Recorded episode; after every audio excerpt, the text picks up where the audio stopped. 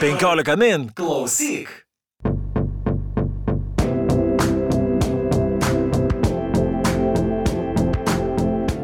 Labadiena, gerbėmieji 15 min klausytojai, su jumis sveikinasi podcastas Perskaitimai.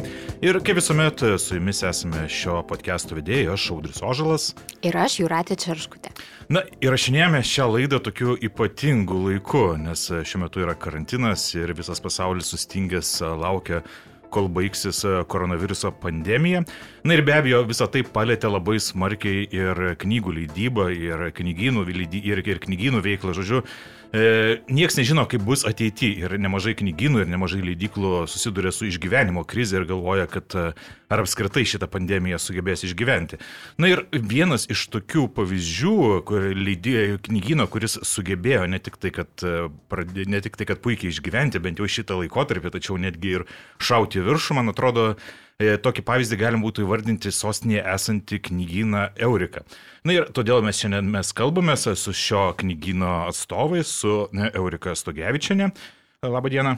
Labą dieną. Ir Benu Arvidu Grigu. Labą dieną. E, Na, trumpai istorija yra tokia, kad e, kai prasidėjo karantinas, Eurika kreipėsi į savo skaitytojus Facebook tinkle, prašydami nepamiršti jų ir pirkti knygas iš jų internetu, nes, na, knygynas atsidūrė ties ta riba, kai nebebuvo aišku, ar iš viso išgyvens. Na ir E, paskui prasidėjo tai, kas turbūt vadinama sėkmės istorija, nes vietoj bankroto Eurikos knyginas e, na, tapo tokiais e, pardavimų rykliais, galima netgi sakyti, knygų ir užskaičiu, užsakymai skaičiuoja šimtais. Ir tačiau aš galbūt daugiau nesiplėsiu, tiesiog norėčiau, kad jūs patys papasakotumėte, kaip visą tai įvyko vizija, kas čia atsitiko. Tai prasidėjus karantinui mes puolėm į tokią paniką, depresiją, liūdėsi, sėdėjom uždarytam knyginę kas buvo psichologiškai labai sunku. Dvi savaitės taip prasidėjome, nebuvo nei vieno žmogaus ateinančio, nebuvo, aišku, mieste nei turistų, nei studentų, nei dėstytojų.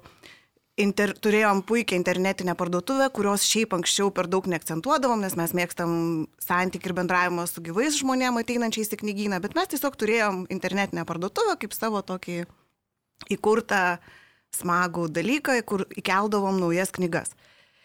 Taip pat turėjom daug kontraktų su bibliotekom ir iš knygy, viena iš mūsų knygyno krypčių tai yra darbas su bibliotekom, siūlymas knygų, taip pat su universitetiniam bibliotekom. Bet pirmasias dvi savaitės tiesiog bibliotekos dingo, nes joms matyti reikėjo persitvarkyti, persiorganizuoti. Kelios aukštosios mokyklos pranešė, kad popierinių knygų nebepirks, kad pirks tik elektroninės knygas. Ir tada mus tiesiog ištiko šokas, nes mes supratom, kad mes neturim šansų išgyventi Nes svarstydami apie tai, kad va dabar žmonės pirks internetu, supratom, kad iš mūsų tai niekas neperka, nes mes nereklamavom savo internetinės parduotuvės labai aktyviai, apie ją daugiau taip labai stipriai ir nepasakojom. Ir tiesiog e, pagalvojom, kad reikia kreiptis į ištikimuosius lankytojus per Facebooką ir papasakoti savo, nu, tą liūdėsio istoriją. Na ir užteko vienos žinutės Facebook'e, kad uh, užsakymai pasipiltų tiesiog dėžėm, ar ne? Taip. Taip. Čia gal Benas gali papasakot, kaip ta diena. Ne, ja, mes tą, tą dieną dar sėdėjom ir taip matom, e, užsakymas eina kas dvi minutės, kas tris minutės, dar vienas įkrenta, dar vienas ir ne, ne po vieną knygą. Kai kurie užsisakė ir po 20, po 3, ne, 30 gal nebuvo. Rekordas, man atrodo, buvo 20 knygų, wow. tai čia 300 eurų. Mhm. E, ir, ir tų užsakymai krenta, krenta, krenta ir mes tiesiog dar tą dieną taip atsipalaidavę, tiesiog žiūrim juos visus krentančius ir galvojam, kaip čia vat, reikės jau turbūt rytoj reikės pradėti pakuoti. Ir tada buvo šešios dienos, ir sava, įskaitant savaitgalį, nesustabdomo pakavimo po 12, 13, 14 valandų per dieną, nes tiesiog reikėjo kažkaip juos sudaroti ir išsiųsti visus. Tai išmokot naujų įgūdžių, galėsit dabar būti ir pakavimo meistrais, ar ne? tai mes, kada paskelbėm žinutę Facebook'e, svarstėm, kiek galėtų žmonių užsakyti knygas. Gal kokią gautume 20 užsakymų, na gal 25. Ir kada tai prasidėjo tas toksai užsakymų srautas, neįtikėtinai didelis, tada mes supratom, kad mes neturim pakavimo medžiagų, mes neturim kartono, neturim Lipneškių. lipnių juostų, mes tiesiog nieko neturim, mes visiškai nepasiruošę tokiam dideliam antplūdžiui. Greitai sudarėm sutartį su Lietuvos paštu dėl kurjerio atvykimo, nes dar norėjom siūsti ir paštomatus knygas. supratom, kad patys mes nesugebėsim išvežioti 800 užsakymų. Mhm. Bet aišku, tas kurjeris taip ir netvyko ir mums vis tiek teko patiems vežioti. Dirbo gerai DPD kurjerių tarnyba, o jie tai dirbo gerai, su jais jau mes turėjom sutartį iš anksčiau. Tai tiesiog sukraudavom Benui į bagažinę knygas po 100-200 užsakymų ir jis vežiodavo po visą Vilnių dėl to, kad nu, privažiavęs prie vieno paštomato tiesiog dėžučių jas užkiždavo, tada važiuodavo prie kitų ir taip nežinau, kiek tu ten Tris. Vieną kartą tris. Tiesiog vieną užpildžiau, antrą užpildžiau, tą trečią dar biški papildžiau.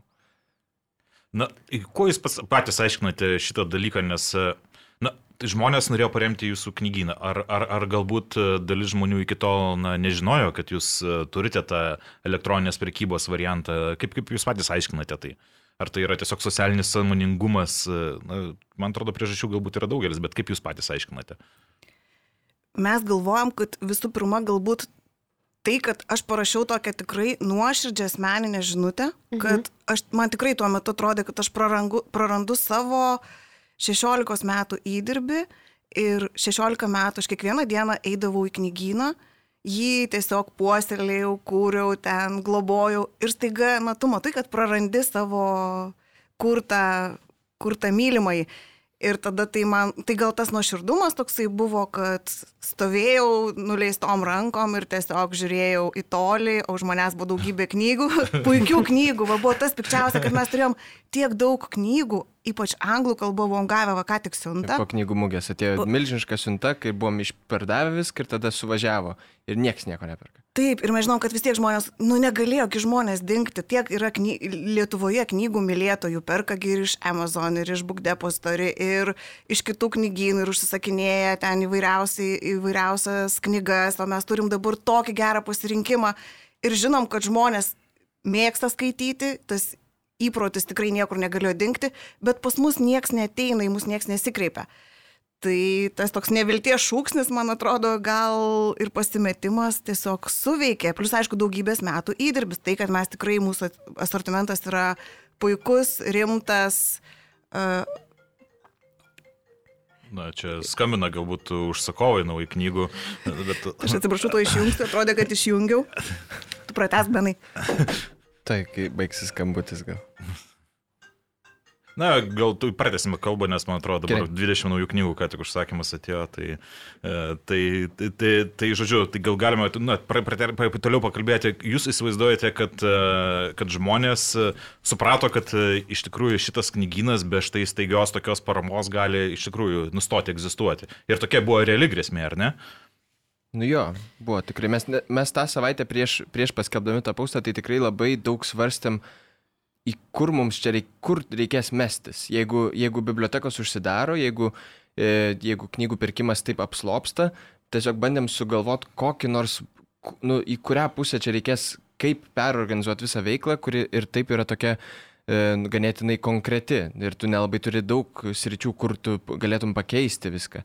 Tai ir nelabai sugalvojom. Bet žiūrėkit, aš norėjau dar jūsų paklausti, nes man kažkaip atrodo, jalab, kad aš pati irgi dalinausi šituo Eurikos postu, kuris prasidėjo sakiniu, knyginas yra mano vaikas, mylimasis ir mano geriausias draugas.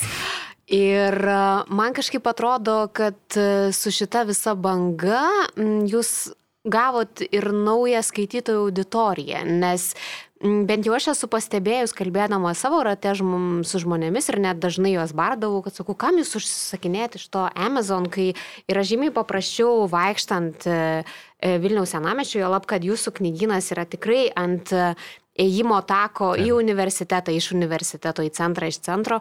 Ir kodėl jūs, žodžiu, dar mokat tos siuntimo kažkokius mokesčius, kai galite tiesiog ateiti į Eurekos knygyną ir paprašyti knygų. Tai man atrodo, kad dar buvo labai nemenkas procentas žmonių, kurie būtent per šitą, sakykime, tokį šauksmo žinutę apskritai pirmą kartą išgirdo jūs, ne? Taip. Taip. Iš, iš tų 800 užsakymų, kuriuos mes gavom čia per pastarasis porą savaičių, 95 procentai pirko per mūsų internetinę parduotuvę pirmą kartą. O, Daugiau gal net negu 95. Žinoma, iš tų žmonių tikrai yra labai daug žmonių, kurie ateidavo nuolatos į knygyną ir tiesiog niekada nepirko internetu, nes nu, ten kartą per porą savaičių ar mėnesį apsilankydavo e, gyvai pas mus.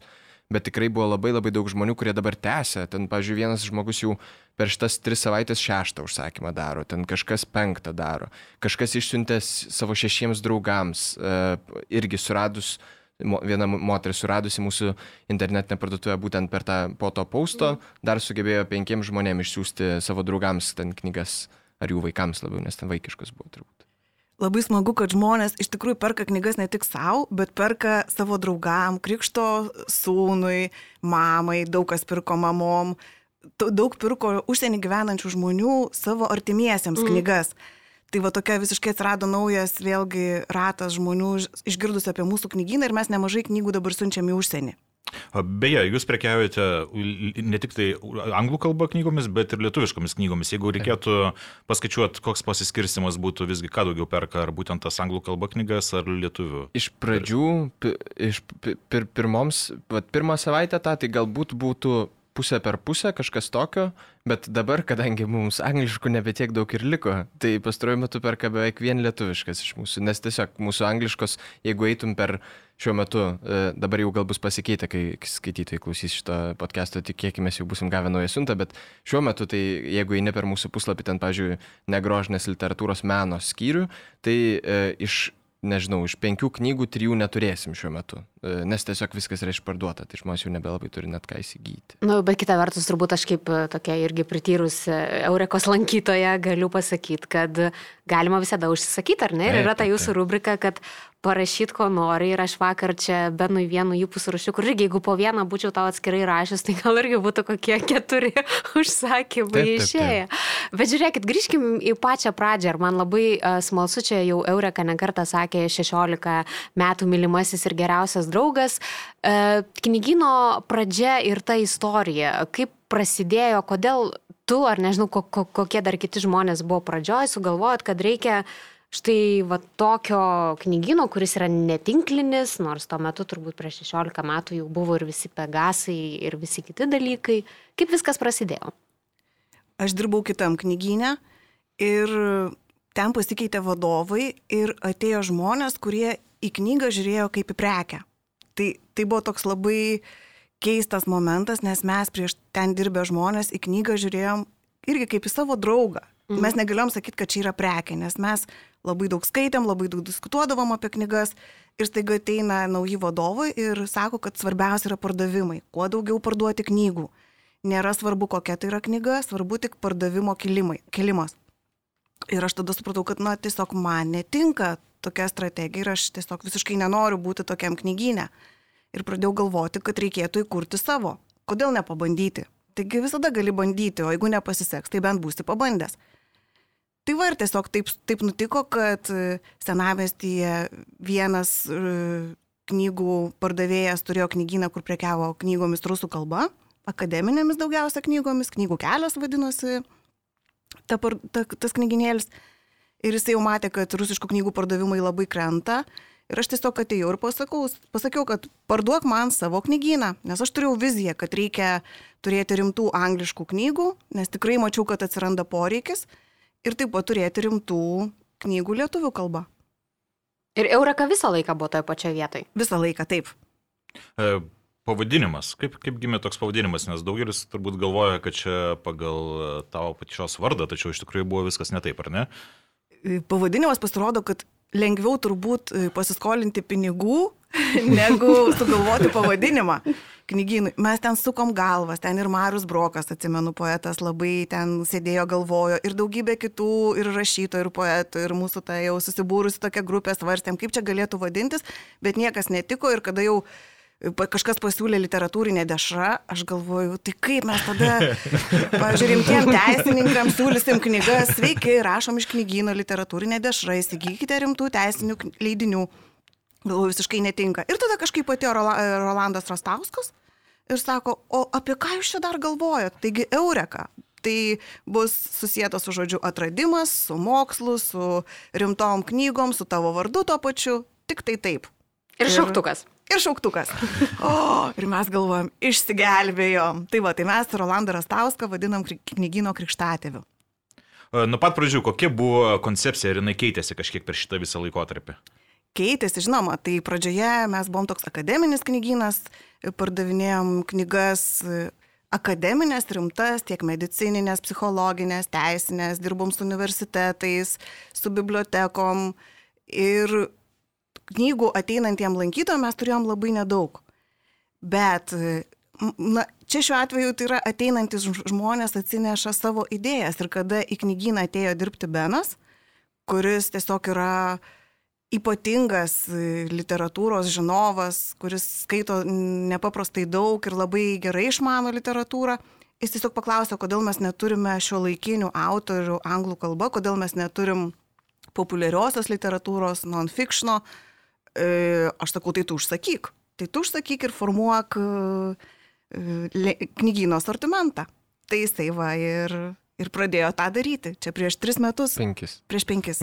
tai va, Benai, dabar iškart tada klausimas tau, nes e, panašiai prieš penkis metus, beje, turbūt aš ir pradėjau labai dažnai lankytis. Ir aišku, kai tik grįžtų iš Varšuvos, pirmas punktas, kur ateiti ir su bičiuliais pašnekėti ir pasiskleis naujienom. E, Benai, kaip tu formuoji asortimentą? Ar yra kažkokie užsienio literatūros kritikai, kuriuos tu skaitai? Gal tu, nežinau, tikrini bestsellerių sąrašus, nes tarkim man šitas sinchronas, kad pavyzdžiui, ryte aš gerdama kavą paskaitau New York Times e kažkokią recenziją ir po pietų aš užeinu į Eurekos knyginą ir bats šita knyga yra jau popieriniu pavydalu, aš ją galiu pavartyti. Tai kaip visa tai vyksta? Vyksta? Da, e, iš pradžių, kai tik e, pradėjau dirbti knyginę, tai tiesiog reikėjo dar prisiųsti pakankamai daug grinai kla, mm -hmm. nu, mhm. klasikos dalykų, kuriuos būti, būtina yra turėti knyginę, mano galva. Ten nu, ir Wolf Joyce'as, ten Keruakas, visi tokie to, tiesiog klasikiniai kūriniai. Tada po truputį ėmėm plėsti ir negrožinės sritį ir pamatėm, kad labai daug žmonių domisi ir menu, ir ypatingai mokslu. E, nes tokios knygos netaip dažnai išeina lietuviškai, e, yra išverčiamos į lietuvių kalbą, jų yra be galo daug apie įvairiausią tematiką, kurią tik galėtum sugalvoti. Ir tada, jeigu anglų kalba yra tokia galimybė skaityti apie įvairiausią tematiką, kad ir ten, nežinau, mikrobus ar dar kažką, dabar jau lietuvių, lietuvių kalba irgi po truputį mm. pradeda e, plėstis tas, ta galimybė sužinoti apie kažką lietuviškai. Bet tai va, tai tada pradėjau plėsti taip, o dabar atrinkinėjau, tai nu, jau, jau esu atkalęs tam tikrų metodų, tai daugiausia tiesiog seku leidiklas ir Facebook'e, ir e, žiūriu jų katalogus visą laiką. Jie išleidžia katalogus kasmet, e, kataloguose pe, visus peržiūriu atidžiai, turiu milžinišką sąrašą, ką užsakyti į ateitį, kur kaupiuosi, kada išeina kokia knyga ir tada, kai jau ateina tas metas, jau priorderinu tas knygas e, arba, arba tiesiog užsakau, jeigu jau ir išleista. Taip pat e, daug leidinių susijusių su literatūra seku, tai jo, ir New York Timesus, ir, ir e, nežinau, ten London Book Review, mm. Paris Book Review, uh, Lit Literary Hub, uh, uh, ten visokios World Literature Today, uh, Publishers Weekly. Nu, yra krūva leidinių, kurie savo sąrašus arba kažkokių įdomiausių knygų paskelbė arba, um, nežinau, geriausių knygų sąrašus, tuos visą laiką peržiūriu, bet daugiausiai šiaip tai su katalogais iš tiesų, nes tenai visą laiką būna uh, visos knygos, kurias išleis leidyklos, tada persižiūri, kas tinka mūsų, mūsų skaitytojui, kas nelabai, kas šiaip įdomiai atrodo ir prisirašau prie kai kurių gal, prie kai kurių mm. ir tada jau seku naujienas apie tas knygas. Ar, ar jos gerai vertintos, ar galbūt netaip gerai vertintos, ar tiesiog praslydo ir nelabai kas domisi jomis, ar kaip tik sulaukia kažkokio kultinio pasisekimo. E, tai vad Taip, viskas maždaug veikia ir nu, čia labai daug nuojautos yra tame, kad ka, ir kar, kartais pavyksta, kartais ne. Kartais, pavyzdžiui, pamatau, kad knyga, kurią, kurią dabar pradėjo žiauriai pirkti, iš tiesų tai buvo išleista prieš ten, nežinau, metus ar pusmetį mm. ir mes jos neturėjau, nes, neturėjom knyginę, nes pagalvojau, kad ai, gal neverta. O, o arba kaip tik, kaip parsisinčiam knygą ir tada iš karto dar dešimt žmonių parašo, kad ir aš jos noriu, o aš parsiunčiu tik vieną arba... O čia gal galima būtų konkrečiai paminėti, pavyzdžiui, kas buvo tas pavyzdys tos knygos, kur, na, kai dabar pasakėjai, kad užsakėt vieną, o iš tikrųjų reikėjo dar dešimt. E, čia iš pastarųjų, visiškai iš pastarųjų savaičių, tai parsiunčiau Niko Keivo, uh, muzikanto Niko Keivo, yra tokia didelė, didelis hardbackas, gražus su, su nuotraukom, užrašais.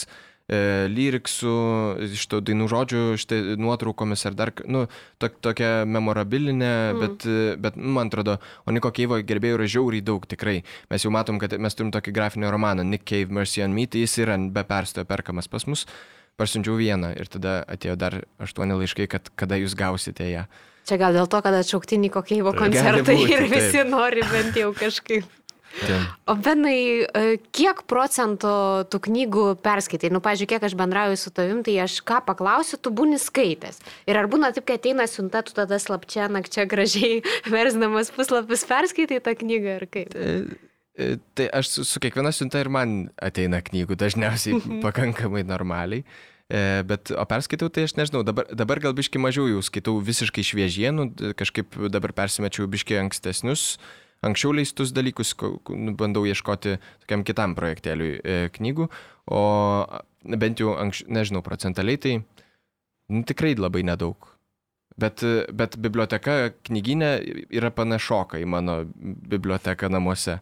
Tai, tai persidengimo yra tikrai, nežinau, gal kokie 10-15 procentų kažkas tokio. O man būtų įdomu dar ir kitas klausimas. Na, mes pakalbėjom apie tas Nikas Keivas ir, Taip. ir sėkmės pavyzdys, o galbūt yra kažkokios knygos, kurios visame pasaulyje sulaukia kultinio dėmesio, o Lietuvoje, na, nelabai, na, tarkime, iš lietuviškos leidybos vertimo aš galiu, pavyzdžiui, paminėti, Taip. kad ir Hillary Mantel, ar ne, kuri visame pasaulyje pelno apdovanojimus ir laukiama dar paskutinė tos trilogijos dalis ir visa kita, o Lietuvoje, na, praslydo lyg ir nepastebėta. Galbūt yra ir tas pas ir su angliškomis knygomis, irgi, kurios pasaulyje yra labai gerai vertinamos, yra kultinės, o pas mus, Mhm. na, nuperka vieną kitą ir viskas.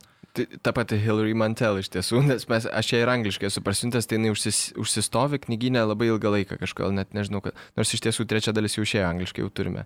E, o daugiau to reikia pagalvoti. Net, ne- nu, pavyzdžiui, kai aš tik pradėjau parsiuntinėti knygas į knyginą angliškas, tuomet labai daug pradėjau skaityti apie Ferrantį ir Knausgardą, nes kaip tik tuo metu, 15 metais, 16 bu- prasidėjo pats bumas visas. Ir aš mat, kažkaip pastebėjau, kad Lietuvoje visiškai jokios kalbos apie tai tuo metu nebuvo, parsiunčiau angliškas ir vieną ir kitą. Ir irgi reikėjo visai palaukti, kol skaitytojai kažkaip, ar gerai, gal mus atrado, nes mes dar tuo metu neturėjom labai daug angliškų knygų ir nebūtinai pas mus buvo įpratę ieškoti jų. E, bet reikėjo palaukti tikrai, kol ir Knausgardą pirmą nusipirko arba, arba Ferrantę. Matai, reik, galbūt reikėjo palaukti ir šiek tiek lietuviškų vertimų, nors aš čia įsiterpčiau, kad man atrodo, Knausgoras tai kažkaip tikrai eina, bet čia gal, kad tas šiaurietiškas mentalitetas yra kažkoks mm. atpažįstamas. Bet, pavyzdžiui, man kažkada, nu, ne kažkada, bet visuomet šiek tiek skauda širdį, kad, man atrodo, Ferrantė taip ir nuėjo į šoną, nes daugam atrodo, kad tai yra na, kažkoks vos ne serialas apie moterų gyvenimą. Kai Kaip tik dar vakar visiškai atsitiktinai atradau didžiulį a, mokslinį žurnalą skirtą tik tai Ferrantės problematikai ir ten fantastiški moksliniai tekstai, kur iš tikrųjų anglakalbiai tyrėjai ten prasmegė, tyrinėja Ferrantės pasaulį ir lygina su Knausgornu grinai tą tendenciją. Tai Eureka nori įsiterpti, ne? Man, man pa- patinka labai ir Knausgardas asmeniškai, ir Ferrantė, ir mes tikrai knyginė labai daug kalbamės apie knygas. Tai aš nesuprantu, kodėl, pavyzdžiui, Ferrantės neperka bent mūsų knyginę. Man tai yra tikrai labai labai keista. Nepasakyčiau, kad šluotų ir Knausgardą, jeigu taip iš tikrųjų perka, Perka, tikrai, perka, bet, na, bet ne, taip. nėra prie tų bestsellerių priskiriamas. Ką knyginė iš tikrųjų labai labai pirko, tai Abramovič, Taip. Kada mes eiti kiaurais sienas jau ten angliškai turėjom variantą, tai tai buvo tiesiog neįtikėtin, nu, neįtikėtinas O knygos. koks procentas šlovimo lietuviško vertimo ir angliško? Mes angliško esam pardavę, aš nežinau, gal e, vien mes, mažytis knyginėlis, virš 500 kopijų tai tikrai, jeigu Oho. nedaugiau, kur, nu, čia kartais yra pusė tiražo lietuviško knygos, Aha. o mes angliško tiek pardavėme. 500 knygų angliško. Minimum, tikrai minimum, nes jinai pas mus viršyje Sapiens kaip reikalas. Sap, nu, Sapiens, kuris yra mi- mil, Taip, taip. multimilioninis mm. bestselleris, pas mus yra žemiau negu, negu Abramovič ir buvo kasmet. O ir, ir, ir labai įdomus, vat, man irgi kyla kažkoks klausimas, ar nekoreliuoja toks dalykas, kad išeina knyga, tarkime, Abramovič lietuvių kalba Taip. Ir žmonės pradeda pirkti ne tik lietuvišką, bet ir anglišką. Taip, taip, taip, visą laiką taip ir Bet yra. e, kaip jūs aiškinate, tuo, ar iš tikrųjų žmonės įsivaizduoja, kad, na, angliškas, e, tarkim, originalas bus tikrai jau geresnis, nors ti- tiesa vertimas, mano nuomonė, irgi yra visai tikrai neblogas. E, Kaip, kaip, kaip jums patiems atrodo? Ir kaip žmo, ką žmonės sako, kodėl ateina būtent ne lietuviško, o anglišką skaityti, pirkdami? Čia sunku pasakyti, galbūt skiriasi kaina, nes lietuviškas paperbackas yra žymiai, e, angliškas paperbackas yra žymiai pigesnis. Lietuviška knyga tai išleista jau tokia tikrai labai labai gražus dizainas, ten yra ir tas kilė, ir, ir, ir tas viršelis toksai puikus, tai tokia kaip ir dovaninė netgi knyga, bet tai tada žmogus galbūt pasvarsto, kad kaina ženkliai skiriasi, galbūt aš skaitysiu, jeigu aš gerai skaitau angliškai, laisvai kalbu, tai kodėlgi neskaityti anglų kalbą. Tai gal čia šitas sužaidžia, gal tai, kad žmonės knygas išleistas angliškai ir mėgsta skaityti anglų kalbą ir jeigu laisvai valdę kalbą, tai dažniausiai lietuviško vertimo ir ne, nesirenka, nes vis tiek mano, kad vertimas ne, netitiks originalo. Nors aš aišku žinau ir kitų pavyzdžių, tarkime, Orhanas Pamukas, ar ne, kuris rašo turkų kalba ir žmonės, tarkime, pažįstų žmonių, kurie skaito jo knygas angliškai, nors lietuviški vertimai irgi yra puikus. Ir atrodo, Taip. kad, na, štai vertimas į anglų kalbą ir į lietuvių kalbą. Ir kodėl žmogus turėtų rinktis anglišką vertimą, tai man irgi visą laiką būdavo tai mislė. Ne, pas mus į knygyną visai daug žmonių ateina ir perka angliškai tas knygas, kurias už kit, kitoje sienoje gali rasti, kitoje lentynoje lietuviškas. Ir aš pats iš tiesų taip darau, aš skaitau daugiausia angliškai, bet e, aš dažniausiai skaitau tai, kas yra neišversta į lietuvių kalbą ir, ir ko ne anglų, nu, ko, ką ir gali surasti tik tai anglų kalba. O ką dabar labiausiai išluoja? Vat per šitą, tarkim, pirkimą, net ir šitų pastarųjų savaičių. Ar per E, knygų mugę, jeigu dar grįžtume kiek, kad... Per knygų mugę tai buvo taip, Sally Rooney Normal People, normalų žmonės, e, kurią Alma Litera išleido neseniai lietuviškai, tai jinai e, iš grožinės literatūros, tai jinai jau antrus metus pas mus laikosi aukščiausių vietų, jeigu neklystu. Mhm. Tada Atwood, The Handmaid's Tale ir, ir Testamentus iš pradžių kažkaip taip vangiai pirko e, ir galvo, nes tikrai, vat, su, su šita dar buvo, kad prisinčiau labai daug ir tada labai ilgą laiką stovėjo tie hardbackai, kurie yra ganėtinai brangus ir e, jau išsigandom, vat, prieš, pat, prieš pat jau karantinų įsibėgėjus, kai, pama, kai pamačiau, kiek mes turim hardbackų, kurie yra brangesni stipriai. E, tai vat, Atwood yra. Tada iš negrožinės literatūros tikrai yra Why We Sleep Matthew Walkerio, kuri mm. lietuviškai irgi turėtų kažkada neužilgo pasirodyti apie knygą apie miegą. Tai su šita knyga, jinai, mes jos be proto daug esam pardavę. Dabar va, dar neseniai e, Tomas Ramanauskas paskelbė postą apie, apie Why We Sleep, ją pareklamavo ir tada iš karto kitą ir pareklamavo mus tuo pačiu, metu, tuo pačiu metu. Čia buvo vienas iš tų pašėrinimų mūsų pirminio posto. E, Tai kitą dieną gavome gal, nu, nežinau, virš, virš 15 žinučių, kada, kada šitą ateis, kada šitą ateis. Šalia to, kad ją visą išpirko iš mūsų lentynų. O žiūrėkite, jūs pastebėjote tą pasaulinę tendenciją, apie ką mes turbūt ir saudriu esam savo podcastuose šnekėję apie tą negrožinės literatūros non-fiction augimą. Tai vad, Benai, kiek Taip. tu esi metų leidži knyginę penkerius, ar ne? Taip. Tai tu turbūt irgi stebėjai tą, kad... Taip, taip, Per- taip, tikrai. Kad stip, vis, viskas keičiasi į tą pusę, kad labiau perkama yra negrožinė literatūra. Nu, ne tai, kad labiau perkama, gal tiesiog, aš nežinau, gal su negrožinė literatūra yra at, at, atsiveria kitas sluoksnis skaitytojų, papildomas. Mm. Nes, nes daug žmonių skaito grožinę literatūrą, aš tuo pačiu metu skaitydama ir negrožinę. Ir abejočiau, kad visi persimeta kažkaip į negrožinę literatūrą. Labiau, kad tiesiog tu rašydamas apie tokius dalykus kaip miegas, kurį patiria kiekvienas, tu gal šiek tiek lengviau gali pasiekti audito, di- platesnę auditoriją ir tada, tada išsiplečia apskritai skaitytojų ratas, kai yra e, šitiek daug temų, apie kurias kalb, gali kalbėti negrožinė literatūra, kokybiškai, įdomiai, įtraukiančiai ir taip toliau. Tai kad jos perkamumas yra didelis, taip ir mūsų pas lentynos yra išluotas daug daugiau non-fictiono negu fictiono. O nėra taip, kad viskas prasidėjo nuo Harari. Aš manyčiau, kad taip, jo. O dar yra, dar neskaičiusi Hararė, dar vis nuperka kažkas. Pe, jo, nupirka kažkaip. Aš net nežinau, kod, iš, iš kur jie išlindo. Tai pasirodo vis dar neperskaičiu. O tarkime, irgi labai įdomu, man skaičiai 500 buvo Taip. skaičiavo, o dabar kiek Hararė? Turbūt jau kokie keli tūkstančiai turėtų būti, ar ne, parduota. Angliško tai ne, mažiau. Ne. Mažiau, nes tikrai mažiau negu Abramač. Nu, e, iš kitos pusės, gal pas mus net, net taip dažnai. Harari turi visi anglišką, turi ir, ir mūsų konkurentai, kiti knygynai turi anglišką ir, nežinau, knygos LT tu jį gali rasti ir Humanite, ir dar kažkur internete. E, Ir, pavyzdžiui, Book Depository, kuris yra milžiniškas e, knygų pardavinėtojas iš Anglijos ir siunčia nemokamai į Lietuvą, jisai Harari turės tikrai daug pigiau negu mes, dėl to, kad tiesiog jie perka milijonais tą knygą ir tada gali daug žemesnę kainą laikyti. Tai, tai manau, kad mes nesam uh, geras rodiklis šito atveju, bet, bet iš tiesų jo pirko mažiau tikrai negu Abramovič. Bet čia jau yra mūsų, aš esu šnekėjęs su, su, leidė, su Penguin Random House e, atstovais, kurie, kurie išleido Abramovič, ir su Britais, ir su amerikiečiais, kurie turi tiesiog skirtingas mm. versijas tos pačios knygos. Tai jie sakė, kad tik Lietuvoje yra taip. Kad nėra jokios kitos šalies, kur Abramovič būtų šitai parduodama. Mes esam vieninteliai. E, tai jie buvo siaubingai nustebę, ypač kai pasakiau, kad už Hararį daugiau pardavėm, tai jie negalėjo patikėti tiesiog. Tai Čia, čia jau grinai unikalus fenomenas, kurį, man atrodo, iš esmės mes sukūrėm kažkaip, vat, knygynas ir jo, jo aplinka sukūrė, nes tai buvo e, Rolandas Rastauskas, kuris pasiūlė mums tą knygą užsisakyti, e, kai pamatė, kad jinai išeis. Tuomet e, Eurika perskaitė, tada davė Maušai Kaziliūnaitai, kuri ją labai stipriai iš, kažkaip iš, išreklamavo, skaitydama labai žavėjosi ir daug rašė apie ją Facebook'e.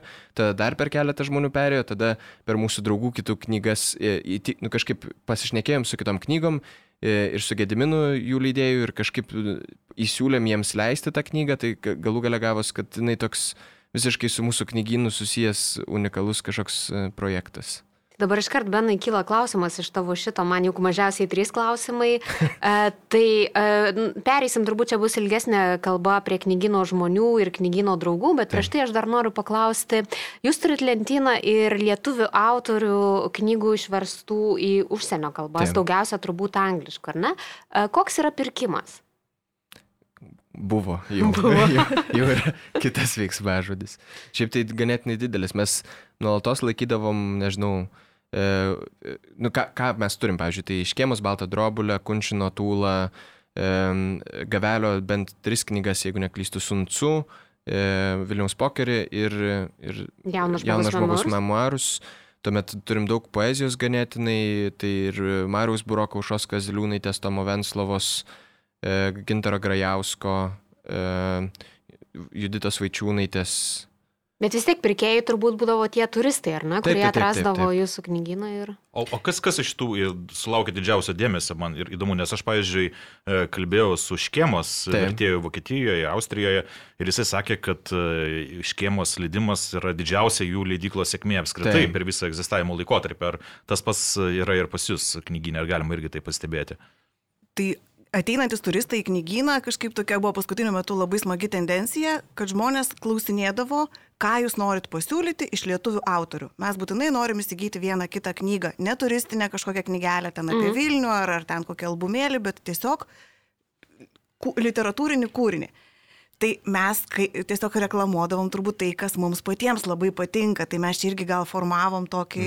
Mm Nes jeigu mums labai patinka škėma ir gavelis, tai ir kunčinas, tai mes juos ir siūlom, nes kitų galbūt mes net nebuvom kai kurių kūrinių ir skaitę. Taip, taip, taip. Tai čia irgi ką, mūsų patirtis, tai tai, ką mes pasiūlom turistui, nes jis tai dažniausiai nieko nežino, jis tiesiog mūsų klausia patyrimo, patarimo.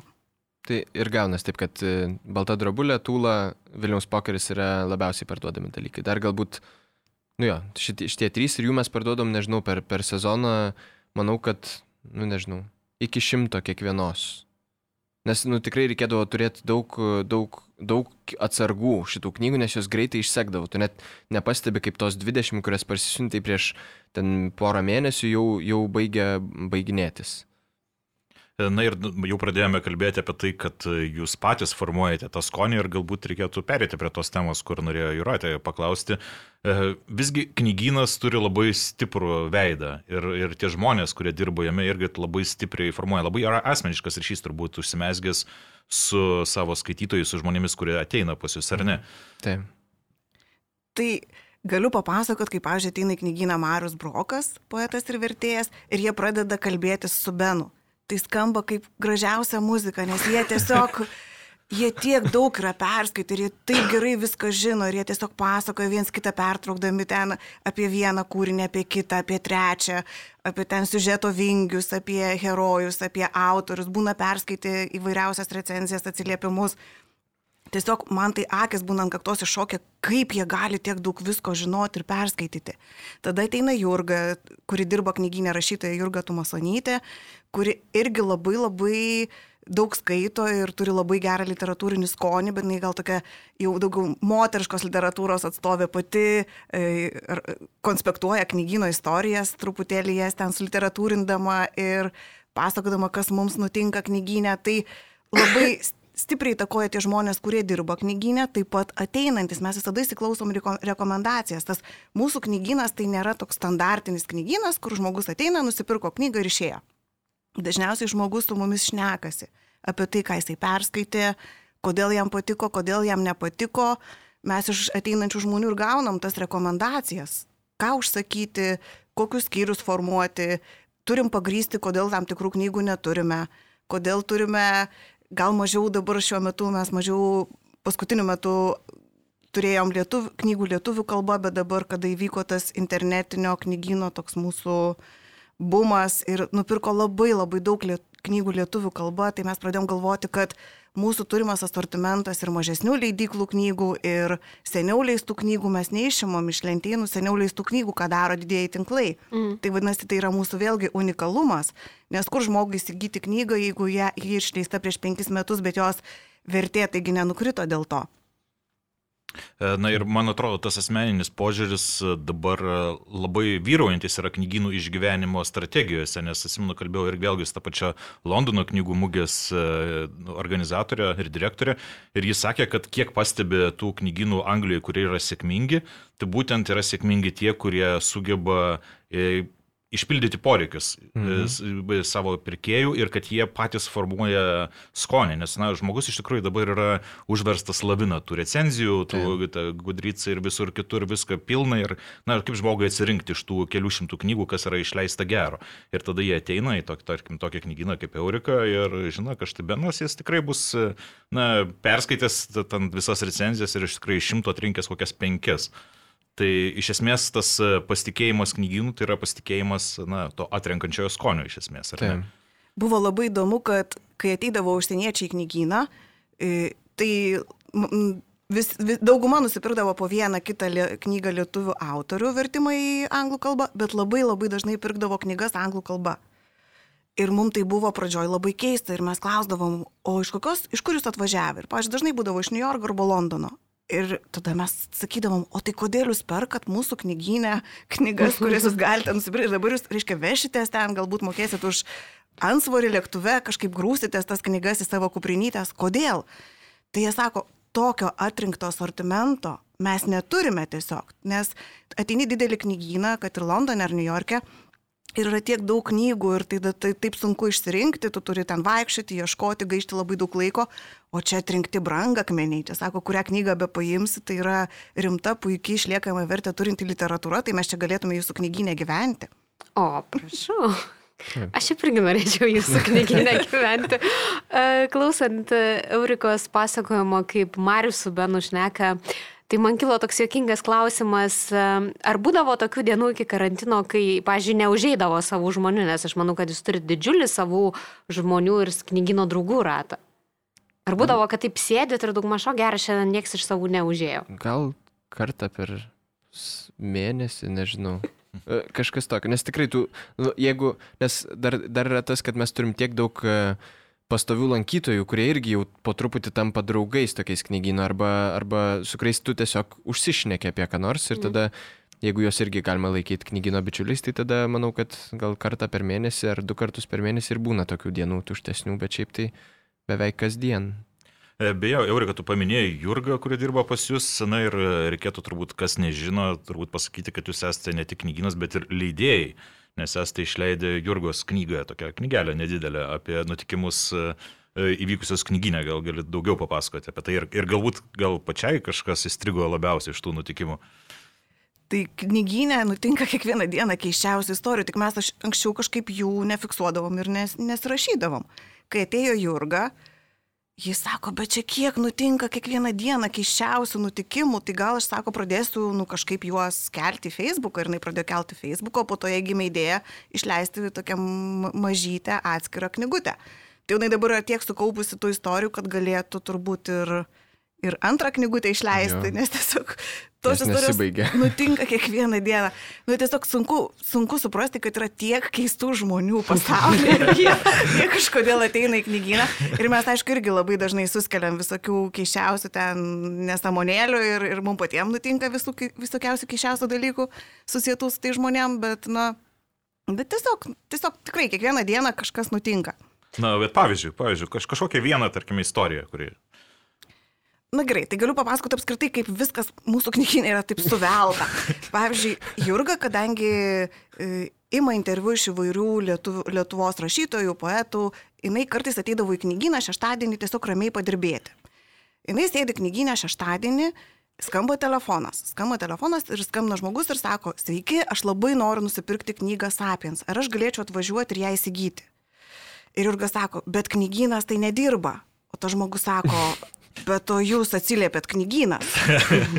Jurgas sako, taip, bet aš čia dabar tiesiog uh, bandau sudėlioti savo interviu, bet sako, tuoj ateis direktorė. Nes aš turėjau eiti filmas Kalvijoje ir aš sakiau, Jurgai, tai aš užėjsiu pas tave, mes išgersim kavos ir paplėpėsim.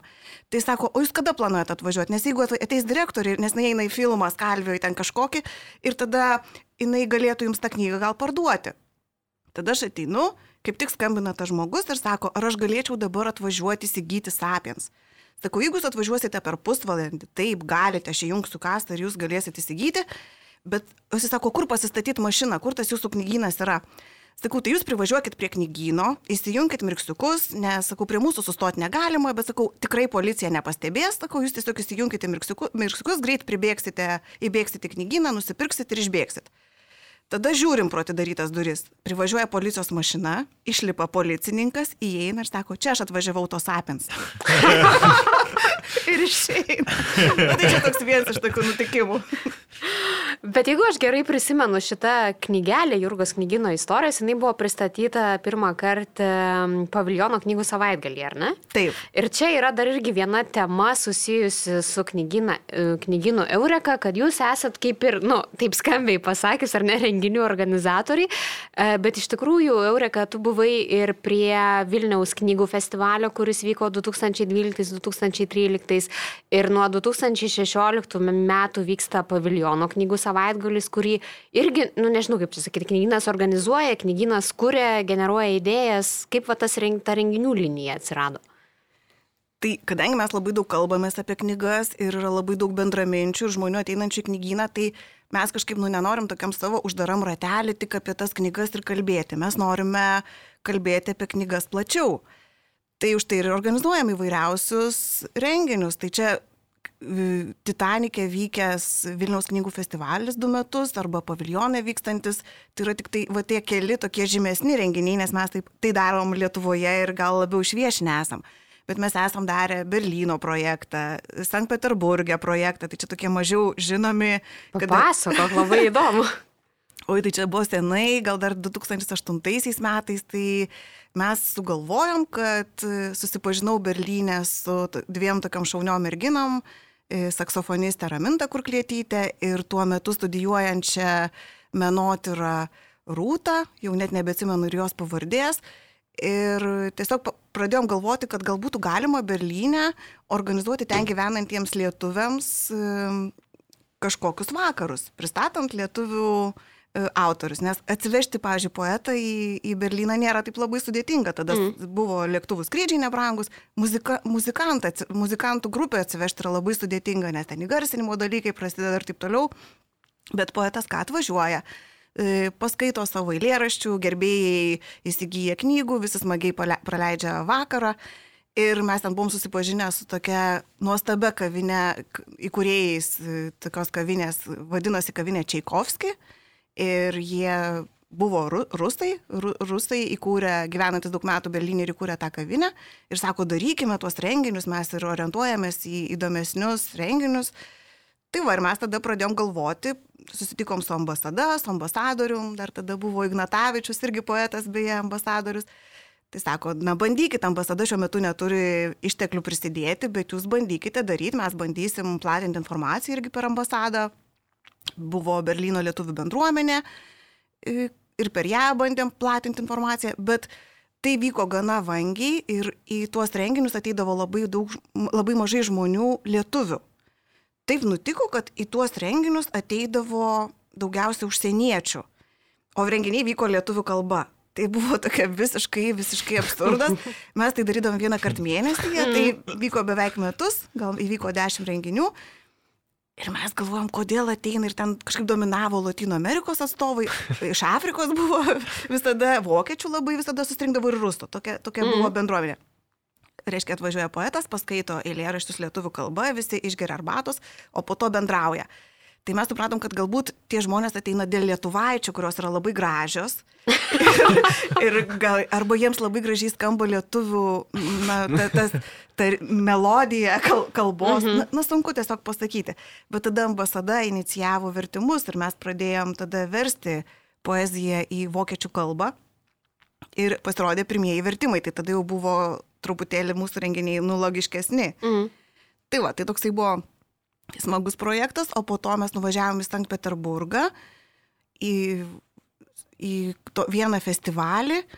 Aš dabar galvoju, mes važiavom su Gabrielė Labanauskaitė ir grupė Avaspo mhm. ir gyvenom ambasadoj. Ir buvo nu nepaprastai smagus ambasadorius ir jo žmona, Degutis ir, ir Eglė Degutienė.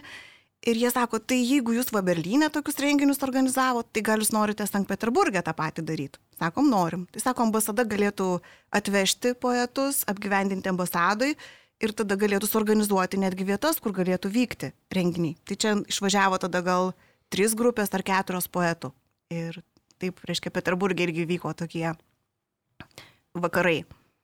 Tai čia tokia mažai žinota irgi knygino veiklos pusė. čia viskas vyko seniau, čia vyko 2008 ir kokiais 2010-2011 metais. Taip, tai seniai čia vyko. Bet mes vis laik kažką resgam. Tai jūs raskat ir beje, aš norėjau dar klausti apie draugystę su leidėjais, nes turbūt kas taip e, matomiausia yra ir ta Abramovič paminėta, ar ne, kad labai bendradarbiaujat ir su kitom knygom, bet turbūt ir šiaip palaikot, ypač su tais mažesniais leidėjais, ar ne, ryšius. Ir Taip, draugystės gal. Taip, tai tiesiog mes taip jau, jaučiam, kad į mūsų knygyną ateina žmonės kaip į namus. Nu, Tiesiog jie taip uh, jaučiasi. Pasideda savo daiktus ten kažkur, atsisėda, išsiverda kavos ir ten gali būti ir valandą, ir dvi, ir tris, ir, ir labai atvirai šneka apie savo leidybinius planus ir, ir, ir kokius, su kokiais sunkumais susideda dėl ten vertėjų, dėl redagavimo, dėl korektūrų, kas ten gerai sekasi, kas stringa. Tai tiesiog mes nu, daugybę gaunam įdomiausios Tai informacijos. čia galėtų būti slaptieji knygino Eurika užrašai, po kurio laiko, tai kokios problemos leidyboje buvo 2019, ar ne? Taip, ir, ir mes ir patariam, ką leisti, nes e, tikrai leidėjai klausia, kas jūsų knygynė yra populiaru Mhm. iš knygų anglų kalba. Tai mes bandom patarti. Mhm. Tai būtumėt patarę, kad Hillary Mantel tikrai neverta versti. Ne, bu, jo, būčiau pataręs, kad neverta gal. O kaip su Olga Tokarčik, man įdomu, nes turbūt angliškai, ypač kai gavo bukerį, ta jos knyga Bėgūnai Flights, ar ne, irgi buvo turbūt viena iš perkamiausių. Taip, taip, taip. Ir iki šiol yra. Ir da, dabar flights gal jau apstojo, dabar perka Drive Your Pillow Over the Bones of the Dead, kuri lietuviškai ne, neužilgo turėtų Taip, pasirodyti. ne-. Tai, tai vat, ja, jinai vat, per vat, šį laikotarpį tai tikrai buvo viena perkamesnių iš, iš anglų, angliškos grožinės literatūros. O man įdomu, ar jūs pastebite kažkokias tendencijas pasaulyje, kurios galbūt ne visiškai atsispindi Lietuvoje? Nes, na, tai, tai pačioje, pavyzdžiui, Frankfurto knygų mugėje, nes Taip. vėl grįžtam prie negrožinės literatūros, tai Frankfurto knygų mugėje buvo kalbama, kad, e, tarkim, labai smarkiai slūksta politinė non-fiction mada. Tarkime, arba, ir, ir, ir pastebima, kad labai smarkiai auga paaugliams skirtos literatūros. Ar jūs matote irgi kažkokias mhm. tendencijas, kurios e, na, atsispindi Lietuvoje, o galbūt e, kai kas yra visiškai naujo? Gal biški matosi, bet e, vis tiek labai priklauso nuo to, kokį iš tiesų, mes asortimentą turim ir, ir e, jisai vis tiek yra toks nelabai palyginamas su, su, su kitais. Taip gaunasi, man atrodo, su, su kiekvienu mažesniu knygynu, kad tu turi tik tai dalį to, ką tu, turi visi, pažiūrėjau, paauglių literatūros mes ne, nelabai ir turim. Tai ir tada negalim pasakyti nieko apie tai, bet e, su politika, tai iš tiesų bent jau aš pastebėjau, kad ją kažkaip biški mažiau pradėjo pirkti per pas, pastarąjį pusmetį. Nežinau kodėl. Nors iš tiesų viena knyga Peterio Pomerancevo There is no prop, e, tai kaip ten. E, Apie, nebeprisimenu. prop... Apie jo, aš irgi man propagandą. užkrito pavadinimas. E, irgi užkrito pavadinimas ir man, e, bet tai va, tai jinai yra viena perkamesnių mūsų pastaruoju metu, bet tai yra išimtis iš visos skyriaus. E, This o- is not propaganda. This is not propaganda, va, va, va. O, o, o, o kitos tendencijos, tai vad, kad mokslas ir menas yra iš esmės populiariausios non-fictiono temos. Kad šitos dvi yra, yra labai labai stiprios. Kas dar gal skiriasi su, nuo, nuo kitų knygynų ir ypatingai nuo anglakalbės rinkos visos, tai pas mus labai sunkiai eina memoarai angliški. Arba aš gal tiesiog nepataikau, nes nu, labai yra sunku suprasti, ku, apie kurį žmogų bus girdėję lietuvaičiai, kurį ne, nes ten yra vis tiek, memoaras gali būti įvairia, labai įvairialypis, e, gali būti žymaus žmogaus, bet ypatingai nežymaus žmogaus, kur tiesiog yra toks, nu, atsiminimai kažkokie, arba įdomesnis gyvenimas, kaip pavyzdžiui Taras, Taras Westover apšviestoji, educated. Tai va tokių, tokio tipo memoarų anglų kalba išeina ganėtinai daug, kur yra kažkokia tiesiog įdomi žmogaus istorija, kuris šiaip nėra žinomas. Bet kad Lietuvoje prasimuštų nors vienas anglų kalba, tai va šitas vienintelis ir te buvo, bet dėl to, kad jį išleido lietuviškai, o ne dėl to, kad mm. jį būtų atradę. Tai va su šitas rytim yra visiškai sudėtinga man su memoarais. Ir su mokslinė fantastika iš tiesų man sudėtingiau. Čia gal dėl to, kad pats nesu labai didelis skaitytojas mokslinės fantastikos, tai gaunasi taip, kad uh, mes turim daug klasikos mokslinės fantastikos, Filipą Keidiką, e, Herbertą, nežinau, e, Strugackius, e, Bradbury, dar kažką. Turim tik, nu, vad klasiką turim ir ją palaikom visą laiką, bet ką tik bandau parsiųsti iš naujesnių, kažkaip užsistovi tos knygos ir nesigauna. Man atrodo, kad tiesiog uh, prasilenkia biški auditorijos, kad pas, pas mus kažk, mūsų kažkaip ne, nepasiekia žmonės, kurie labiausiai domisi mokslinė fantastika. Jie gal kažkur kitur tas knygas perka, arba gal aš nemoku atrinkti tikrai to, ką, ne, nežinau, kuriais kanalais juos pasiekia e, naujienos apie naujas knygas. Ir tada aš gal tų kanalų neturiu. Tai, nu, va, čia tokios yra tendencijos, gal keistesnės biški. O kaip ir su muzikinė literatūra, biografijomis, nes aš atsimenu, kad e, buvo kitos knygos, kaip tik išleido Patrick Smith e, taip, prisiminimus taip. ir mes kaip tik dalyvavom pristatymė ir su Ramūnu Ziliniu kalbėjomės tuo metu. Ir jis irgi pastebėjo, kad, na, sako, lietuviški, lietuvių kalba muzikantų memoarai tai yra, na, nepasiteisina dažniausiai jų leidyba, nes daugelis jau yra perskaitę anglų kalbą, jau tie, kas domisi E, muziką, tai ar iš tikrųjų galite pastebėti, kad irgi anglų kalba muzikinė literatūra labai smarkiai skaito? Jo, tai vad jeigu po, po, meno, po meno ir mokslo, tai manau, kad ir būtų muzika, istorija, būtų po, dar populiaresnės rytis, tai, tai muzikinių, vad ir memoarai yra perkamiausi iš esmės iš, iš, iš muzikos. Tai yra e, Davido Bowie, e, ne memoaras, o biografija, Patty Smith tiesiog vaikai e, ir dar Girl in the Band, Kim Gordon memoaras. Žodžiu, tikrai yra perkamų tokių, e, ir šiaip muzikantų knygos yra labai perkamos. Pavyzdžiui, Davido Byrono How Music Works yra iš muzikos ir ties, man atrodo, bus perkamiausia pas mus e, knyginė. Tai čia va, gal išimtis yra memoarų. Apskritai, kai žmogus yra žinomas, tuomet taip mes galim kažką ten randa jisai savo auditoriją, ypatingai va, muzikantas, nes vis tiek pas mus didžioji dalis skaitytojų yra ganėtinai jauni žmonės, bus iki 40 didžioji dalis, ten nežinau, 80 procentų manau, kad tai tada biški lengviau gal ir pasiekia. Nu, mm. tai yra sąsajų kažkokių. O kaip su ta tokia nišinė jūsų lentyna, kuri vadinasi grafinės novelės, ar ne lietuviškai, Taip.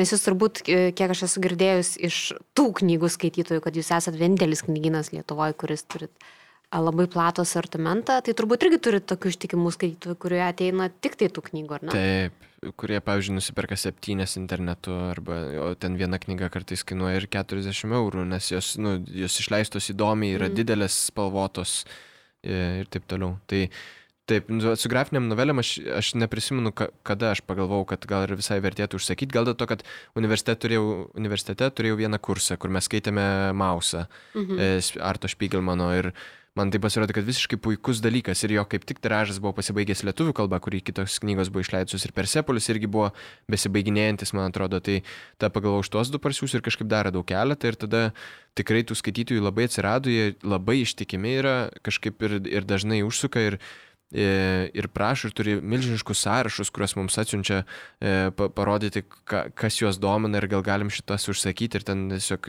50 knygų yra, e, nu, dar neužsakėte žmogus, bet vis tiek tiesiog, kad domėjimasis tikrai yra labai didelis ir grafinės novelės šiuo metu pas mus gal liko 10 jų iš, nežinau, 80. O dėl ko jums skauda širdį abiems, e, dėl kokių knygų, kad vad stovi lentino ir jūs žinot, kad yra žiauriai puikia knyga ir nu vad jos neperka? Taip, šiemet išleido, dabar jau ne šiemet, pernai kitos knygos išleido Kimleino amžinybės fjordo pranašai, nuostabią knygą. Tai taip, bet pradžioj. Ai, taip. Kiek buvo baimių ir kiek buvo tiesiog mes perskaitėm ir mums nežmoniškai patiko ir mes galvom, na tai čia dabar naujas, puikusis bestselleris ir matom, kiek reikia įdėti pastangų, kad ta knyga išjudėtų. Knyga nepaprastai gera, tikrai, na, tiesiog neįtikėtino gerumo, bet jos tiesiog neperka. Reiškia, tu tiek leidikla turėjo labai daug dirbti ir mes iš savo pusės bandėm ir per paviljono knygų savaitgalį labai stipriai tikrai reklamavom. Bet kuo daugiau žmonių sužinotų apie tokią puikią, nuostabią knygą ir jau kaip po to atvažiavo autorius į knygų mugę, tai tada jau kažkaip išjudėjo ir ta knyga tikrai mhm susirado savo skaitytoją ir juda pakankamai gerai, bet vis tiek netapo kažkokiu ten bestselleriu Mhm. ir ne, nešovė į tas jau aukštumas. Benai? Aš iš savo pusės tai man, man būna liūdna labiausiai dėl e, jaunų autorių, e, kurie, kurių knygas parsiunčiau ir tiesiog nie, niekas apie juos nežino, nes ne- nelabai yra kaip sužinoti. Ir tada aš juos nebent prakišu, kai kas nors paklausia, ką man skaityti, tai tada aš įsiūlau šitą puikią knygą, kur nu, tikrai žmogus ten nelabai labai retų atveju bus girdėjęs apie ją, nes tiesiog, pavyzdžiui, pasklido pakankamai mažai ta knyga po, po anglakalbę e, literatūros naujienų visas, vis, visus saitus, o yra nepaprastai puikiai, pavyzdžiui, ten to Adamo Erlicho Sakso The Organs of Sense apie e, šitą monadų teoriją. Kas yra parašęs monadų teoriją? E, Tas toks žiauriai keistas filosofas. Leibnicas, va. E, apie Leibnicą, fikcinę istoriją, kaip Leibnicas ėjo pas aklą astronomą, kuris vienintelis pranašavo e, pasaulio pabaigą kitą dieną ir per tas 24 valandas bandė išsiaiškinti, kodėl. E, nu, tiesiog labai labai puikia knyga.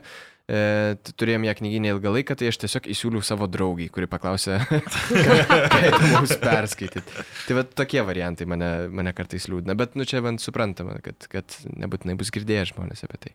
Aš norėjau dar paklausti apie Latino Amerikos literatūrą, nes em, na, neretai kalbant su ekspertais ir klausiant, e, kokios literatūros lietuvių kalba yra vertimų yra mažai ir kurios trūksta, labai dažnai yra paminama e, Latino Amerikos literatūra, nes na, leidiklos galbūt bijo, galvoja, kad Latino Amerikos literatūros taip gerai nepirks, galbūt trūksta Taip. vertėjų ir panašiai. O ką galėtumėt jūs pasakyti?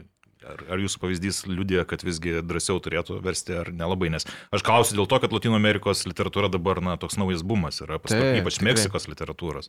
Taip, ir, yra, ir jinai labai plati, ten yra ispanakalbė visa literatūra yra milžiniška, tiesiog yra be proto daug šalių rašančių. Ta, ta, tai, nežinau, Borgesas pas mus yra perkamas be perstojo, lygiai taip pat kaip ir Bolanio, ir Markesas, ir, e, nežinau, Clarice Lispector Brazilė irgi yra labai tikrai judanti autorė pas mus, mūsų knyginė, nors yra e, Lietuvių, lietuvių kalba nebuvo versta ir dabar tik Baltos lankos išleis neužilgo jos vieną iš, vieną iš knygų, kas yra nepaprastai nuostabu, nes tikrai Taip, taip, taip. reikėjo Mhm. jau senų senoviai. E, tai ir iš jaunų autorių, ką tik parsiunčiam, tai, tai juda tie latino autoriai tikrai e, pakankamai, pakankamai normaliai. Nepasakyčiau, kad kažkaip kitaip negu kiti. E, Bet tarkime, bet čia yra tokie Borgesas, visi kiti, Jo, tai jo. yra tokie ir žinomi vardai. Tarkime, Jūrija Herrera ar dar kažkas tokio iš naujųjų, e, tai turbūt sunkiau, ar ne? O Taip, Samantha Šveblin, pavyzdžiui. Samantha Šveblin, bet jo, jinai irgi versta į lietuvių kalbą, tai, tai ir pajudėjo, bet jinai dar judėjo ir iki tol, kol dar Mhm. nebuvo versta. E, Cezaris Aira irgi juda, nors nėra, nėra verstas, bet iš tiesų sunkiau. E, nu, jo, gal dabar, kai galvoju, gal ir biški sunkiau stal. E, nes- Kiek va šitą. Pavyzdžiui, Vaskesas yra nu, nuostabus autorius ir taip. mes turim knygą Taip skamba krintantis. Nu, Mhm. tikrai tokia Taip. puikia knyga. Ir mes gal pardavėm, nežinau, vieną ar dvi tik tai. Taip, taip, taip. Ir galvoju- viena iš jų man.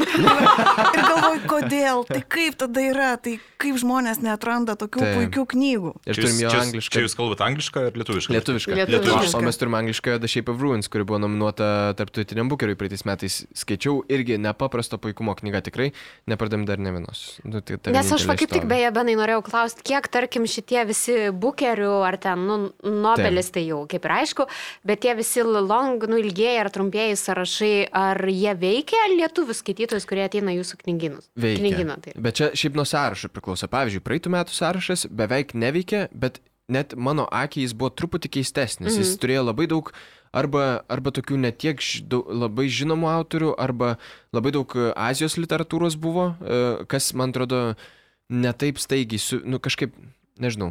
Kit, biškai kitaip suveikė negu ankstesni sąrašai ir negu šio metinis. Šio metinį e, tikrai trys knygos iš tenai esančios. Mem, e, The Memory Police Joko Gavo, e, e, Hurricane Season Fernandos Melchor ir e, kas dar trečia, Marijake Lukas Rineveld. E, The Discomfortive Evening juda e, labai labai gerai.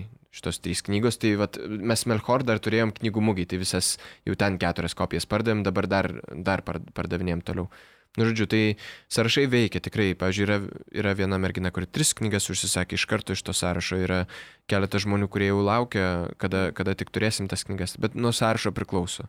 O šitas buvo toks biški man atrodo prieinamesnis e, didesniam ratui skaitytojų, nes pr- praeitame, praeitametis buvo tikrai toks kažkoks labai, um, nežinau, nu keistas. Keistas, keistas, čia tas žodis taip.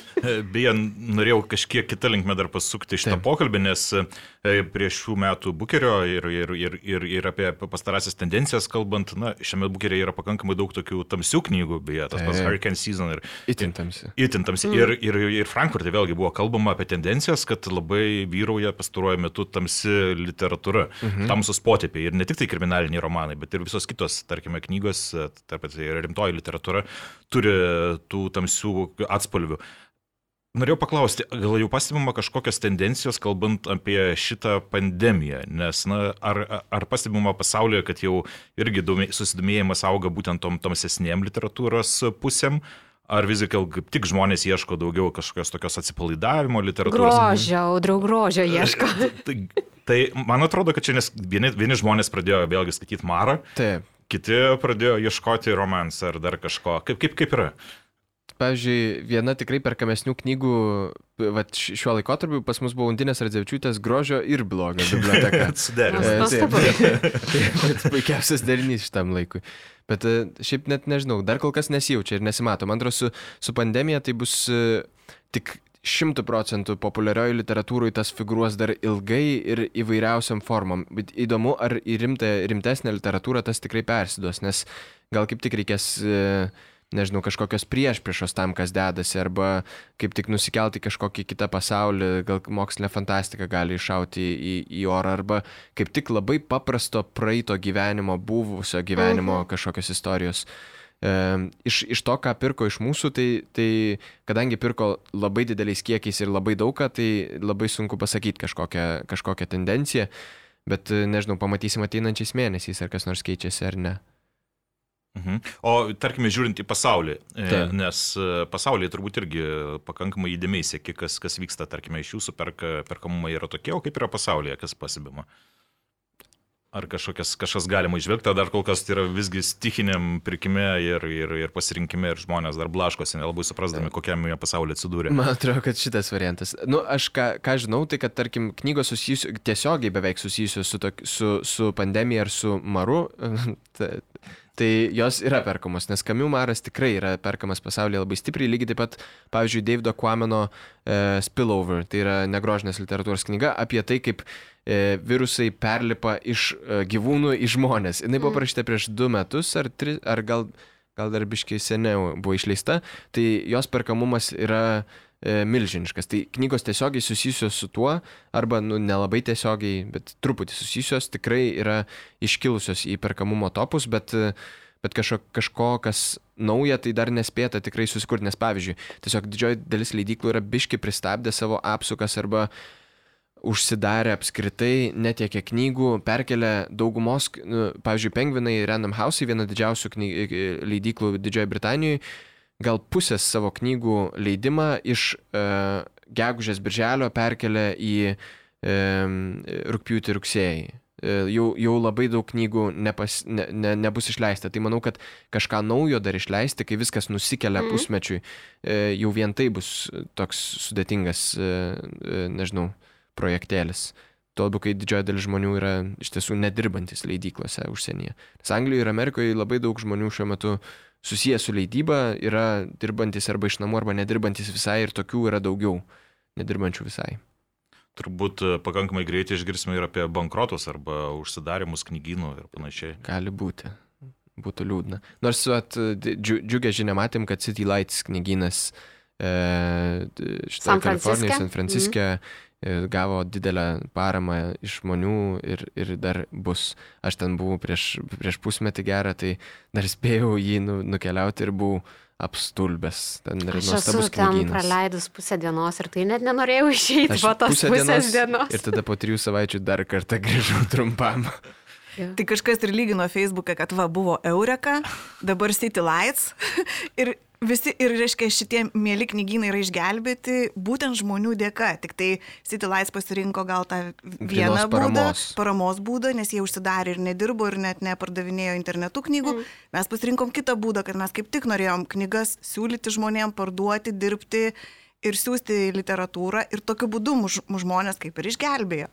Ir išgelbėjo turbūt ar ne su tais užsakymais ir pakavimais ir nuo tos depresijos, ar ne karantininės. Taip, mes tai net nedrasu sakyti, bet mes karantino nelabai ir pajutom, nes at, mes atbėgam ryte į knygyną, dar būna labai anksti. Žmonių Visą- nesimato, žmonių atrodo, nesimato. neturi būti šiaip. Taip, tada visą dieną pakuoji, pakuoji, pakuoji, pakuoji, tada vežioji knygas ten į, į tas pašto dėžutes ar į bėgi paštą. Jau tada ateina vakaras, išeini, na, liktai sutemę, žmonių nėra, na, tai matyti jau jų tiesiog, jie jau išėję miegoti gal. Tai mes net nepajutom tos realybės per tą savo gausybę darbų. O nuo pirmadienio kas bus? O nuo pirmadienio mes atsidarom. Ir labai tikimės, kad atsidarysim turėdami naują knygą, nu, na kaip naują, antrą leidimą knygos Frida.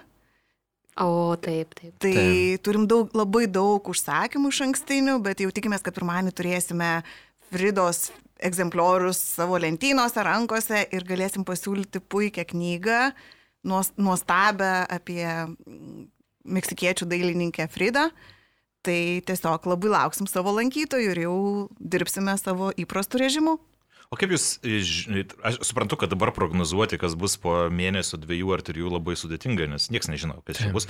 Bet, na, kaip jūs įsivaizduojate, ar šita elektroninė, elektroninės prekybos bumas kažkiek mm, privertė jūs permastyti, kaip galbūt galima viską šitą verslą ir prekybą knygomis organizuoti ateityje? Nes man atrodo, kad užsienyje nemažai knygynų sako, kad, na, tarkime, elektroninė prekyba yra pagrindinis verslas, o knygynas yra tarsi vizitinė kortelė. Žmonės Taip. ateina e, pasižiūrėti, pasikalbėti, o paskui, na, tiesiog patogiau galbūt užsakinėti iš namų. Kaip, kaip jūs matote tą ateitį?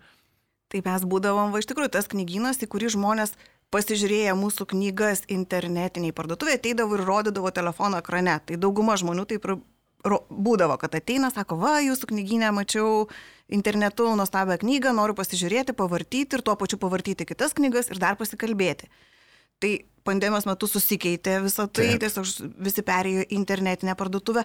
Tai koks čia dabar bus tas santykis pirkimo internetu ir koks bus lankytojų skaičius knyginė, labai sunku pasakyti. Bet mums patiems tai aišku labiau patinka bendrauti tiesiogiai su lankytojais ir būti knyginė. Ir mūsų svajonė tai būtų turbūt, kad žmonės ateitų į knygyną ir gyvai bendraudami pirktų knygas knyginę. Bet ką darys žmonėm kitose miestuose, tai tada vadinasi Taip, taip. išlieka ta priekyba internetu ir kol kas tai mes internetinių užsakymų tikrai turim labai daug ir mes galvojam, kaip reikės pirmadienį, va ateisim į knygyną ir bus po savaitgalio prisikaupę užsakymų, kur juos reikės, nu, kur reikės pakuoti knygas, kur reikės jas susidėti. Jeigu žmonės jau pradės ateiti į knygyną ir norės vartyti knygas, tai čia Mhm. toksai truputėlį mūsų patalpos labai mažos, tai kaip čia perskirstyti reikės tą visą pakavimo cechą. Na, bet sugalvosim čia tiesiog. Bet vis tiek iš tiesų net ir per šį, per, per tą, e, mes vis tiek palikom galimybę žmonėms atsimti knygas knyginę, net ir karantino metu, nes mes fiziškai ten esame ir mes galime paduoti su kaukė, iškišę tą maišiuką ar padėję ant laiptų. Tai, tai ganėtinai daug žmonių rinkosi atsimti knyginę, ypatingai daug, e, vat pastarosiam savaitėm, šią savaitę, praeitą savaitę, net gal, sakyčiau, pusę užsakymų mes siuntėm, o pusę tiesiog atsimti vietoje, tai žmonės jau pradeda vaikščioti ir man atrodo vien šitas gal biški parodo, kad dauguma žmonių nori tiesiog grįžti į normalų, įprastą gyvenimą, toks koks buvo anksčiau ir nelabai gal tie įpročiai taip jau smarkiai keisis. E, tai mes labai tikimės, nes tiesiog mums tikrai maloniau, maloniau parduoti knygą matant žmogaus akis ir e, ar dar galėt pasiūlyti dar kažką ar pasišnekučiuoti. Beje, perkant internetu iš jūsų, da- daugeliu turbūt, kurie, na, tarkime, skaičiuoja pinigus arba žiūri, kur yra pigiau, nes labai nesunku palyginti. Taip. E, Na, labai dažnai vis tiek atrodo, kad pas jūs pirkti yra pigiau. Ir man būtų įdomu, aš suprantu, kad čia yra komercinės paslaptis, kas visgi sudaro didžiąją dalį tos kainos knygos parduodamos. tai leid- leidyklos kainą sudaro, o mes gyvenam iš, jeigu kalbam apie angliškas knygas, tai kalbam iš nuolaidų. Mums leidyklos duoda, pritaiko nuolaidas ir mes tada bandom išlaikyti visą laiką kataloginę kainą, o kartais ir parduoti pigiau negu Taip. kataloginė kaina. O jeigu kalbėtume apie lietuviškas knygas, tai tada aišku mes prisidedam tam tikrą knygyno antkainį. Tai va čia kny... va šiuo internetu, pardavimo internetu metu tai irgi buvo gana keista, nes ir, ir kiti internetiniai knygynai pardavinėjo daugybę knygų su labai dideliam nuolaidom. Žiūrom. Su žiauriom tiesiog nuolaidom, o mes knygas pardavinėjom lietuvių kalbą savo standartiniam kainom. Ir iš mūsų tiek daug knygų užsakėm. Tai mes irgi galvom, ar tai buvo solidarumas žmonių, kad jie taip norėjo išlaikyti mūsų knygyną, kad jie nežiūrėjo į kitus internetinius knygynus ir nepirko knygų pigiau, vien dėl to, kad sutaupytų kažkiek tai eurų ir norėjo paremti mus. Ar tiesiog žmonės jau tokia, iš tokios bangos, kad, kad va čia naujas knygynas, nauja vieta paaiškėjo, gal mes iš jų užsisakysim, čia labai įdomus asortimentas, galima užsisakyti ir senesnių knygų ir kažkodėl nežiūrėjo į kainą. Tai ne visada kaina yra taip svarbu, pasirodo. Čia gal dar stiliaus reikalas, nes mes, manau, visi puikiai sutarsim, kad tie didėjai knyginai kur atsidarai puslapį, kuris mirga, marga, e, Taip. sproginėja ir ten e, dar nekalbu aš apie tai, kur kai kurie knyginai siuntinėja laiškus, ten valdas Adamkus tau rašo, ar Algirdas čia aš kreipiuosi, koronavirusas į tave, Oho. kas visada mane siaubingai, uh, siaubingai siutina ir aš kažkaip vis dar neatsisakau jų, nes man kažkaip šiek tiek ir antropologiškai įdomu, iki kiek galima baisiausiais būdais reklamuoti knygą, tai, pažiūrėjau, tokiu atveju mane, tarkim, tikrai atstumia tokia reklama ir aš tada einu tikrai į tą puslapį, ar ne, kur ten neiššoksta nieks ir ten nesako, kad tik šiandien, tik šią naktį, nes baigsis, po to nebebus. Taip, pas mus švaru. Bet dėl, Tai va. dar dėl to, kad mes net neturėtume pajėgumų tų knygų, tom, tom knygom nuolaidas pritaikyti visoms, nes tada reikėtų fiziškai pritaikyti nuolaidą knygoje knyginę ir tada dar internete pakeisti kainą ir tūkstančių knygų ar ten porai tūkstančių taip net nelabai manoma padaryti. O dar e, kitas aspektas dėl kainų pačių, kodėl pas mus gali būti pigiau, pavyzdžiui, House of Leaves, Marko Zeda Nelevskio yra tokia e, siaubo romanas, labai įdomus tipografiškai e, sudėliotas. Mes, mes jį turime už 15 eurų pardavinėjame, kai, e, kai dauguma internetinių knygynų užsienyje pardavinėja ją ten 20 plus. Mm. Bet čia yra dėl to, kad mes turim labai gerą santykį su viena leidikla, tai yra Penguin Random House Amerikoje, e, kurie mums tiesiog pritaiko biški geresnės kainas pasiūlo ir tada mes e, nu, kažkaip rodos, kad tada mūsų kainos jų būtent knygų, vienas dalykas, mes jas turime vienintelį Lietuvoje. E, dažniausiai, nes nebent kažkas kitas iš kažkokių kitų tiekėjų užsisako, bet kontraktą mes turime vienintelį. Ir e, ar, e, tai čia vienas dalykas, o kitas dalykas, tai tiesiog labai gerai, e, kadangi bendraujam, mes esame vieninteliai, tai tada jie mus remia ir, ir tas kainas padaro kažkokias tokias biški pigesnės. Ir turbūt baigiant, ar ne, aš noriu užduoti klausimą, čia kalbėjom, pardavimai, knygos, visa kita, jūs pirmąjį atsidarysit, kažkiek galbūt plius minus grįšit į realybę. Kokių busimų knygų laukiat? Nors, aišku, lietuviška leidyba irgi po truputį lėtėja ir irgi kai kurios knygos, kurios turėjo pasirodyti balandžio mėnesį, aš jau girdžiu iš leidyklų, kad, nu, gal rugsėjį ar spalį, a, ko labiausiai laukiat? Aš tai aišku laukiu siuntinio, kurį vakar užsisakiau, bet, bet kokių jūs knygų laukiat? Aš tai gal laukčiau Fridos, nes man labai įdomu, koks bus dizainas, nes kiek girdėjau, tai bus su jos paveikslų reprodukcijom, nuotraukom. Tai labai labai norėčiau dar kartą perskaityti šią puikią knygą. Labai įdomu iš tikrųjų, kiek leidyklos apalėtins, sulėtins tas apsukas ir kiek bus naujų knygų. Tai mes dabar dar kol kas negalim pasakyti, mes girdėjom iš leidyklų, kad jos liktai bando sustoti, po to, kad jau liktai nebebando sustoti. Tai tiesiog labai dabar sunku pasakyti, nu toks labai keistas laikas. Tiesiog tikrai keistas.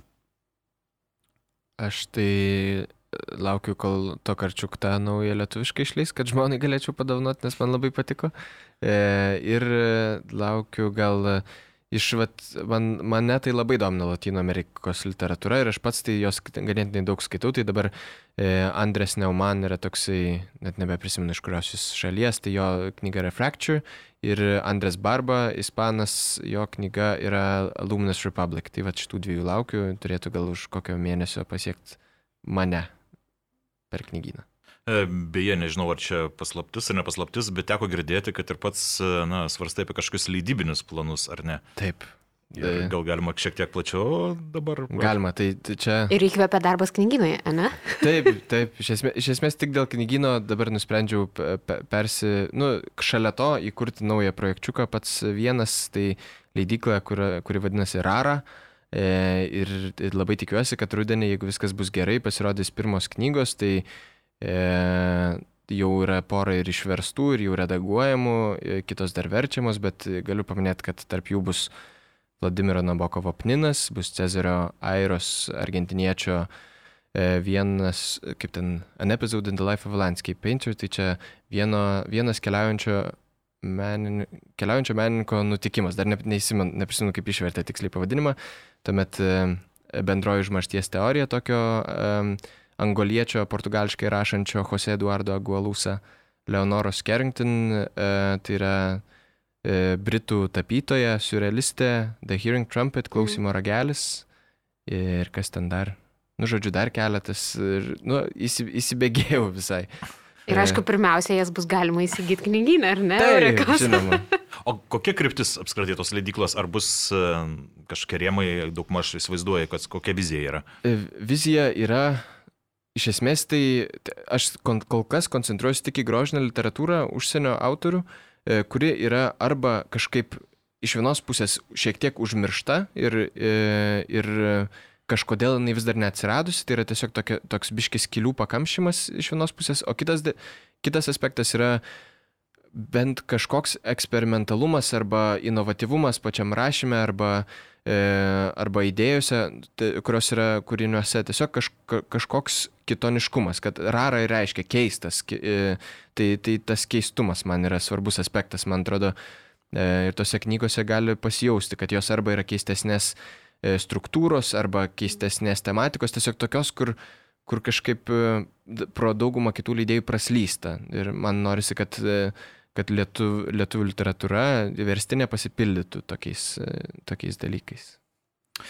Na kągi, ir man atrodo, tai bus dar viena priežastis laukti rudens, ne tik, kad baigtųsi tas karantinas, ne tik, kad galų gale viskas e, taptų aiškiau, bet ir kad na, turėtume rudenį dar vieną leidyklą, kuri pristatys tikrai įdomias naujas knygas, nes na, tų mažųjų leidyklų buvimas Lietuvoje, man atrodo, labai smarkiai praturtina mūsų verstinės literatūros lauką, nes e, Na, iš tikrųjų, dažniausiai bent jau tokias išskirtinės knygas ir išleidžia būtent tos mažosios leidyklos, o ne tie didieji gigantai. Mhm. Na ir man atrodo, kad e, šiandien daug mažiau aptarėme tą visą situaciją, jeigu ką galėsime po kurio laiko vėl grįžti e, prie jos. Na ir labai dėkui šiandien pas mus buvusiems e, Eurikos e, knygyno atstovams Eurikai ir Benui. Dėkui Jums. Ačiū. Dėkui labai. E, Ir, na ir dėkui Jums, kurie klausėte mus. Na ir kaip visuomet buvome šitoje laidoje, šitame podcast'e, mes aš Audrius Ožalas. Ir aš Juratė Čiapškutė. Iki ir gerų skaitinių.